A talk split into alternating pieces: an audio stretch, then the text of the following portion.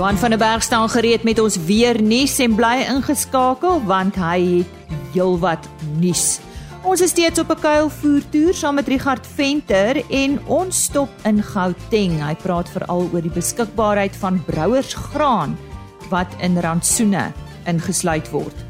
Dan eh, praat ons ook met Stefanie van der Walt van die International Fresh Produce Association oor haar besoek aan Fruit Logistica in Berlyn. Sy was onlangs daar. Chris Derksen ook op sy pos vir oggend met ons vleispryse.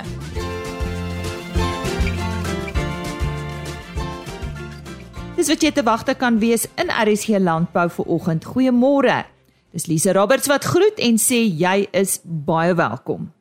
Johan van der Berg soos gewoonlik op 'n donderdagoggend op die lyn om met ons oor die weer te gesels. Uh Johan, nou in die nuus die afgelope tyd het ons heelwat gehoor van 'n sikloon met die naam van Freddy.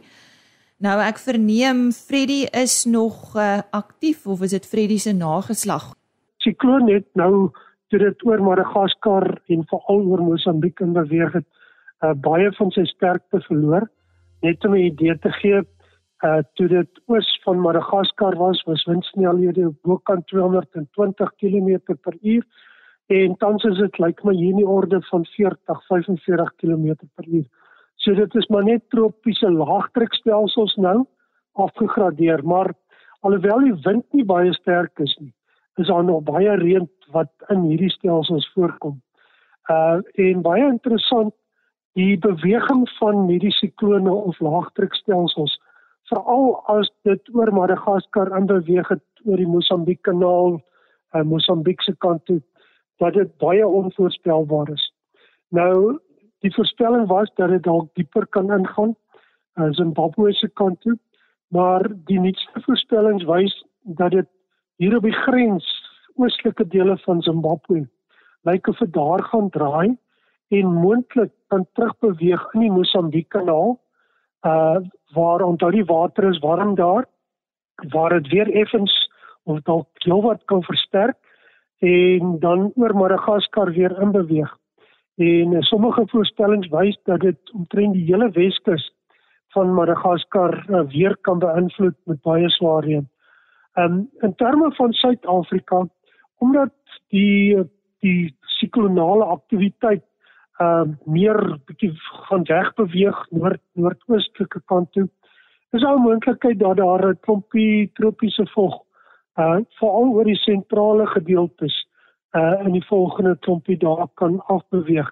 So Noordwes provinsie Vrystaat, suidelike dele van Mpumalanga, Gauteng, KwaZulu-Natal en die noordelike dele van die Oos-Kaap is al moontlikheid dat uh daar hier van die naweek se kant af so 20 30 mm kan voorkom. Nou dis baie moeilik uh want dit kan wees dat daar minder of meer reën gaan voorkom want dit is op die kant van die hoëdrukstelsel wat gevorm is. So dit kom so oor die noordelike dele van Namibië en dan suidooswaarts. So daar is 'n kansie vir reën. Dit lyk nie of daar veel reën gaan wees oor veral die Oos-Kaap nie. Uh veral die sentraal na na suidelike dele, die noordelike dele soos soos gesê uh van die Oos-Kaap is daar 'n redelike kans. Uh so die droë dele lyk nie of daar reën gaan voorkom nie. Uh die grootste deel van die Noord-Kaap ook maar min reën uh in die op die kort termyn. Uh dan oor die Wes-Kaap koue front wat hier rondom die 4de, 5de, 6de Maart se kant in beweeg, ligte reën kan veroorsaak. Uh en dan weer lyk like dit my hier van die 8ste, 9de, 10de Maart se kant is daar 'n kans vir ligte reën oor die Suidwes-Kaap. Uh soos ons laasweek genoem het, temperature tydens hierdie twee periodes, veral ons nagtemperature kan onder 10 grade en dalk in sekere plekke tot so laag as 5, 6 grade daal uh met die frontale stelsels uh wat begin deurkom. Uh dit lyk langer termyn uh nog baie moeilik om regtig waar te voorspel maart april maand se kant want die La Nina het nou die meeste van die Nino gebiede is nou in 'n neutrale toestand maar daar is nog een wat bietjie na La Nina neigend is en die Nino gebiede teen Suid-Amerika is al bietjie El Nino neigend bietjie warmer as normaal. So uh die sommige van die indekse wys nog meer La Nina neiging. So dit impliseer dat uh, hier min reën dalk vir Maart en die eerste deel van April kan voorkom uh vir die somerreënvalgebied, maar dat die tweede deel van April en selfs die eerste deel van Mei is daar nou nog so 'n bietjie kans vir reën oor uh die somerreënvalgebied. Ehm um, baie goeie kans dat El Niño omtrent hier van Augustus September hierdie jaar gaan ontwikkel. Uh en uh, gewoonlik met 'n El Niño en dit klink na teenstelling want El Niño uh word gewoonlik geassosieer met ondergemiddelde reënval, maar El Niño kan hier Augustus September Oktober kan dit 'n bietjie reën vir ons gee en uh selfs bo gemiddeld reën in daardie periode maar dan hier van November tot Maart uh, is die kans goed dat ons ondergemiddelde reënval gaan kry. So daar's goeie en slegte nuus op die langer termyn. Uh maar uh, dit lyk of ons by die draaipunt is en dat hierdie volgende jaar of volgende klompie jare uh heelwat droër gaan wees as wat tans die afgelope paar jare ervaar is. Johan baie dankie. Jy het ons reeds gewaarsku, maar dit bly maar onvoorspelbaar. Johan van der Berg op sy pos met ons weer nuus en uh soos altyd maak hy volgende week weer so. As jy nou eers ingeskakel het, goeiemôre. Jy luister na RSG Landbou. Baie welkom. Fruit Logistica het vanaf 8 tot 10 Februarie in Berlyn in Duitsland plaasgevind. Nou ons het so tydjie gelede vir Stefanie van der Walt in die ateljee gehad. Sy's onlangs aangestel by uh, die International Fresh Produce Association en sy was toe in Berlyn en beloof om ons daarvan te kom vertel. Stefanie, net kortliks, wat is Fruit Logistica? Fruit Logistica is 'n baie groot handelskou. Um dit is die hoofplatform vir die varsprodukte industrie oor die totale waardeketting vir die hele wêreld. So dit is 'n baie groot geleentheid vir ons bedryf en ons sit baie moeite in om ons merk daar te maak as ek dit so kan dit so kan. Nou wat behels julle betrokkeheid as sulks? Kyk, uh IFPA as ek dit so kan noem, um is een van die globale organisasies daar. Um ons is 'n samesmelting tussen um PMA, die uh, Produce Marketing Association en United Fresh um, in die FSA. Um, so ons lede is oor die hele wêreld. Ons is die grootste um, varsprodukte handelsorganisasie in die wêreld. Um, so dit is vir ons 'n geweldige belangrike produk veral weet waar ons graag ons ehm um, insette in Europa bietjie wil verbreek en wil vergroot is dit vir ons 'n geweldige belangrike ehm um, geleentheid om daardie voetspoor ook bietjie te maak daaroor. So wie woon Fruit Logistica by of of wie is teenwoordig? Hoeveel uitstallers was daar in van watter lande? Noem maar net vir ons 'n paar. O, jene, dis ek dink hulle het gesê dis ongeveer, dit was amper 2000 uitstallers gewees. Ehm um, dit is 'n uh, weet dit nou baie vergroot van ehm um, COVID af. sien ons nou het hulle gesê is daar 'n redelike herstel ook nou van die van die by bywoning van van mense dit is oor die hele wêreld. Ehm um, daar daar is 'n saal vir elke streek en dan het elke land het sy eie ehm um, paviljoen waar hulle nou uitstal en die groot maatskappye is daar. Groot maatskappye het hulle eie stalletjie. Um, Mission Produce byvoorbeeld is in die FSA saal met hulle eie een. Um, ons het is in die globale saal gewees, weet omdat ons lede van oral af is. Sjoe, ek meen daar was in Suid-Afrika het ons ook ons natuurlik ons eie stalletjie gehad. Dit was ek was nogal heel trots om daar in te kom om te sien as jy so in die Afrika saal inkom is Suid-Afrika se reg voor. Um, so dit was baie lekker om te sien. Um, baie van ons lede was daar. Um, Cape 5 het ons gesien. Halls ons gaan besoek. Joe, ja, daar's geweldig baie om te sien en te doen en was daar iets nuuts of nuwe neigings waarvan jy bewus is? Ja, kyk, net vir myself, ek meen ehm um, van die ouens wat ehm um, ons stalletjie besoek het om bietjie te hoor wat se dienste kan hulle lewer, het ons baie belangstelling gekry van avokado produsente oor die hele Afrika. Ons het baie belangstelling gekry van Kenia. Maar meer in die algemeen het ons gesien, uh, weet wat wat die verslag nou uitgekom het van ehm um, van die skou is dat van die groot ehm um, neigings wat nou plaasvind is dat ons sien dat pryse so groot drywer van ehm um, aanvraag van varsprodukte weet dit vroeër het ouens baie gekyk na um uh wat weet volhoubaarheid um organiese produkte maar nou kyk hulle net na die prys. Daar is 'n bietjie verbetering in in terme van um die vervoer van goedere, maar daar is maar nog steeds uitdagings. Ons sien ekstreme uh, weer toestande wat 'n groot invloed oor die wêreld uitoefen. Ons het nou hierdie sikloon Freddy gehad wat hier oorgekom het. Uh so dit is oor die hele wêreld wat uh, dit dit dit nou maar 'n probleem is vir die mense, vir die produsente, koste van produksie wat baie toegeneem het. So dit is die hoofneigings wat ons sien uit ehm um, vir logistiek. So die probleme wat mense ervaar is nie net Eh, hier by ons nie. Daar's almal ervaar logistiek en en al daai uitdagings met krag en en so voort. Ja. Ja, kyk ek dink hulle het nou nie so so erg soos ons nie, maar ja, met die oorlog in Rusland natuurlik is dit moeilik om gas uit te voer na Europa toe. Dit is vir hulle onder druk. Um ons sien ook weet in Europa spesifiek um is vervoer moeilik as gevolg van hulle hulle soek um trokdrywers en wat daar 'n tekort aan dit weet is nou van hulle probleme wat hulle bietjie um arbeidstekorte het en so maar ja, oor die wêreld is dit wat ons as ek sê wat die hele bedryf omtrent in gemeen het. Persoonlik, hoe het jy dit ervaar? O, dit was wonderlik. Ek moet sê dit was nou my eerste keer in Berlyn gewees en ook my eerste keer by uh, Fruit Logistica. Dit is 'n ontsettende groot skou. Ek ek moet sê my groot bekommernis was om nie te verdwaal nie en net net weer die IFPA stalletjie te kan vind, maar ek moet sê daar's baie goeie aanwysings. So ek het daarom weer my weg gevind.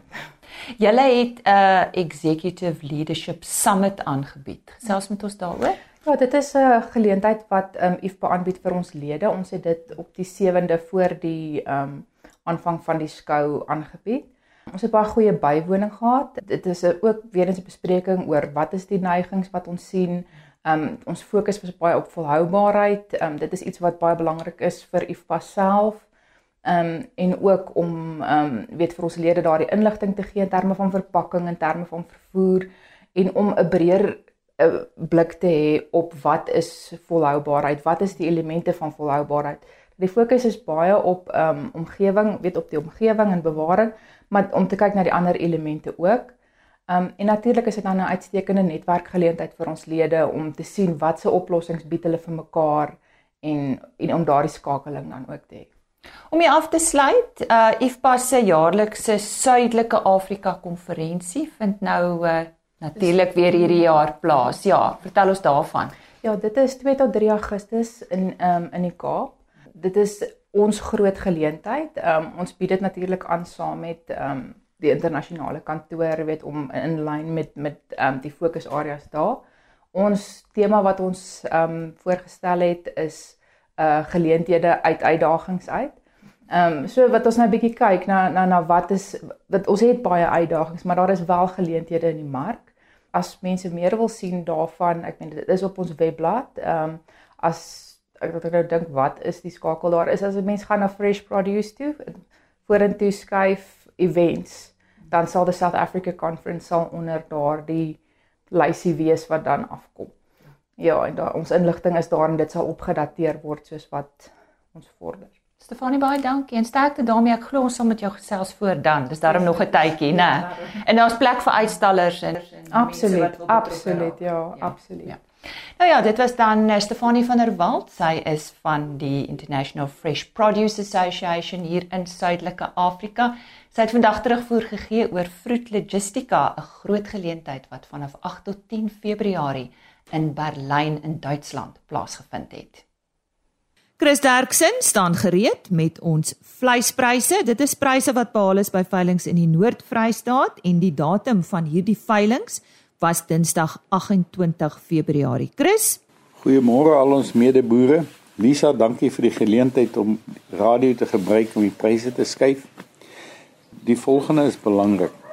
Dis nou die 1 Maart wat die einde van die finansiële jaar was hierdie week wat altyd 'n optik in pryse gee soos mense teen belasting koop al is dit nou net om BTW bietjie te spaar. En ons het dit glad nie gesien hierdie week nie wat 'n slegte teken is. Verder moet mense onthou dat die hele vleisketting is 'n verkoelingsketting wat deur elektrisiteit gedryf was en nou deur diesel gedryf word wat groot kostes vir die verwerkers inbring wat ook 'n negatiewe effek op vleispryse het. Dan derdens moet mense onthou die verbruiker is onder baie groot druk en hulle koop al kleiner en kleiner porsies. Die mooi opkom van die lamprys is 'n teken dat stadig aan begin mense antisipeer dat hulle met lammers koop om op hulle sojaboonlande te sit om hulle vet te maak en dit sal seker in die volgende maand begin gebeur en jy sal sien die pryse het daar bietjie opgetik. Maar ek gee vir julle die presiese pryse. Speenkalvers onder 200 kg het gegaan vir R35.50 per kilogram. Dan van 200 tot 250 kg R34.07 en oor 250 kg R32.04. A klasse was R28.90. B klasse was dan nie. C klasse met vetkoeie was R23.54 en markkoeie R19.33. Slagbulle soos altyd baie stabiel R25.09. En vanaf die skaapmark het stoorlammetjies mooi opgestyg na R37.40 in antisipasie soos ek sê dat die lande beskikbaar word om skape vet te maak.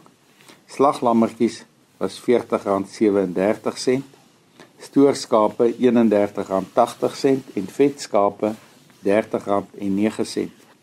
Vanaf die bokmark was baie klein getalletjie. Lammers was daar geen en die ooe was R40.01 wat sekerlik nie 'n aanduiding is nie omdat die getalle te klein was.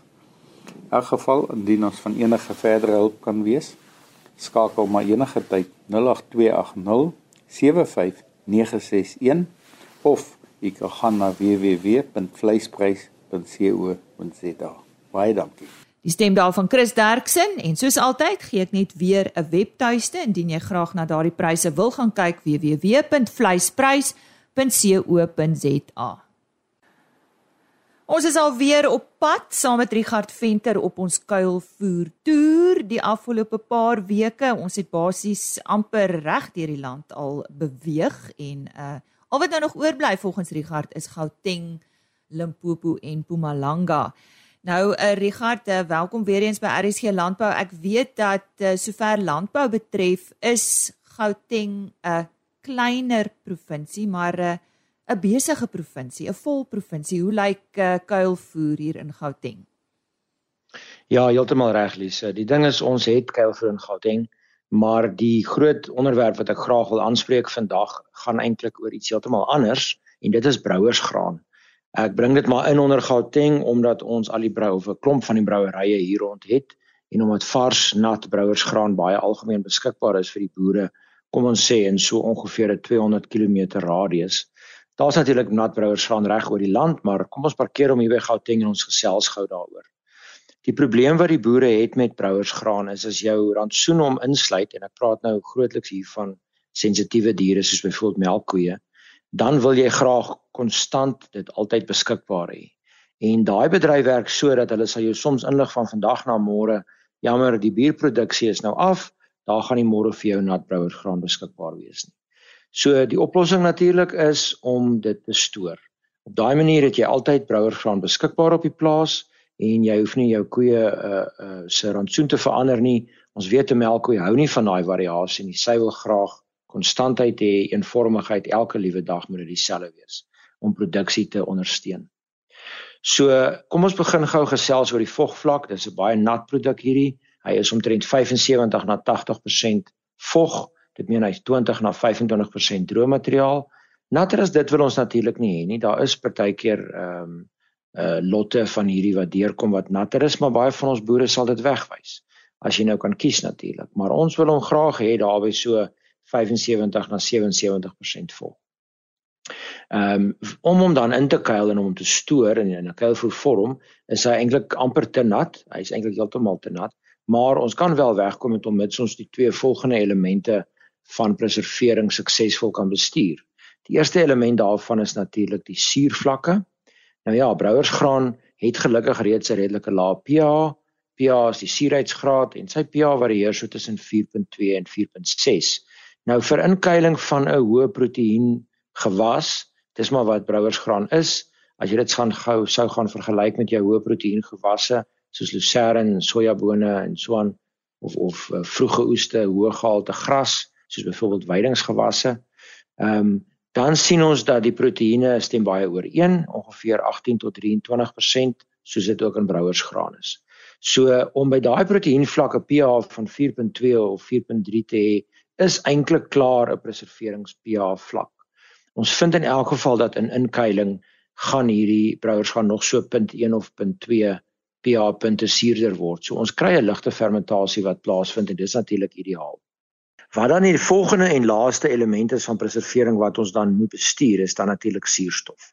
So ons moet 'n manier kry om hierdie brouersgraan te stoor in 'n suurstofvrye uh uh omgewing. En die maklikste manier om dit te doen is om dit in silosakke te stoor. Uh silosakke bied werklik 'n goeie oplossing.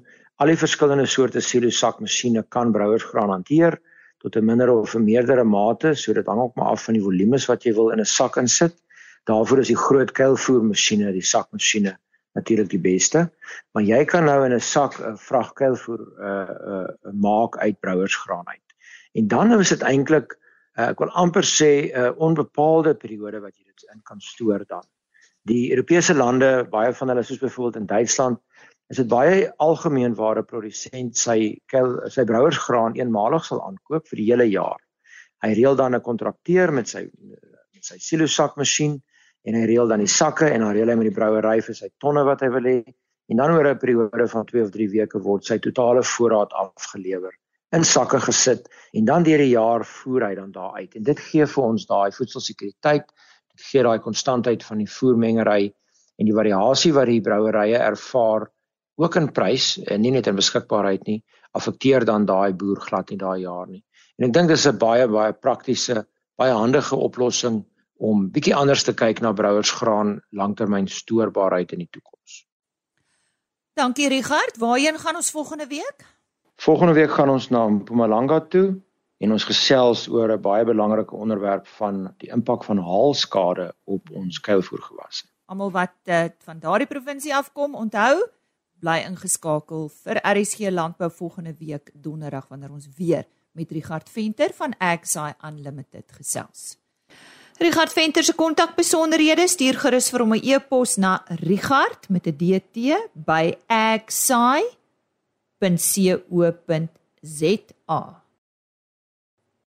Die Nasionale Wolkwekersvereniging of NWKV is besig met die voorbereiding van 'n formele aansoek by die Departement van Landbou om Johnny se siekte as 'n aanmeldbare siekte te klassifiseer.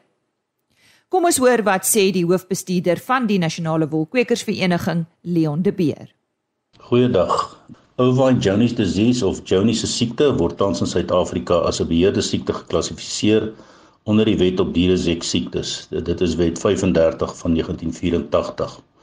Volgens die wet word 'n boerdery eenheid onder kwarantyne geplaas sonder die vooruitsig dat die kwarantyne opgehef sal word oor die kort termyn en wat drastiese maatreëls sou vereis voor kwarantyne opgehef sal word. Teen die agtergrond het die NWKV ten nouste saam met professor Gerard Baas saamgewerk om 'n veterinêre prosedure kennisgewing te ontwikkel aan die hand van aanbevelings wat tydens 'n werkswinkel op Elsenburg voorgestel was. Die werkswinkel was bygewoon deur meeste van die industrie rolspelers waar Johnny se siekte 'n bedreiging inhou. Hierdie voorstel het ingesluit dat kwarantyne vir Johnny positiewe boerdery eenhede uit wetgewing verwyder word, maar dat Johnny se siekte as 'n beheerde siekte gelys moet bly. Die NWKV uh, eh, is egter onlangs in kennis gestel deur die Direktoraat Dieregesondheid dat die Elsenburg voorstel slegs oorweeg kan word indien Johnny se siekte status na 'n aanmeldbare siekte afgradeer word. Aangesien Johnny se siekte grootliks die wolskaap raak, daar's ongeveer 15 miljoen miljoen wolskaap in Suid-Afrika, het NWKV die leiding geneem om die proses van afgradering aan die gang te sit. 'n Voorstel in die verband is onlangs aan die Wolforum vir goedkeuring voorgelê, aangesien die Wolforum die totale wolbedryf verteenwoordig. Die voorstel is eenparig by die Wolforum ondersteun. Ondersteuning is ook van die Doni Telersgenootskap van Suid-Afrika en die Visvisrivier Boerevereniging ontvang. 'n Formele aansoek om Johnny se siekte af te gradeer word nou voorberei om aan die departement voor te lê. Ek hou u op hoogte van vordering met die proses. Baie dankie. En so sê Leon de Beer, hy is die hoofbestuurder van die NWKV. En op hierdie noot is dit ook fluit fluit my storie is uit vir hierdie week. Ek is weer maandagooggend terug met nog landbou nuus www.rsg.co.za daar kan jy na die volledige program gaan luister. Enige program enige RSG landbou is ook daar beskikbaar natuurlik. Dan www.agriorbit.com daar word die onderhoude afsonderlik gelaai. So as jy daarna toe gaan kyk net bo aan die bladsy onder podcast en dan RSG landbou en die verskeie onderhoude word daar gelys volgens die datum van die program En dan sluit ek af met 'n e-posadres: rsglandbou@plaasmedia.co.za. Goeie week verder, rustige naweek en laat dit net met jou goed gaan. Totsiens. RSG Landbou is 'n plaasmedia produksie met regisseur en aanbieder Lize Roberts en tegniese ondersteuning deur Jolande Rooi.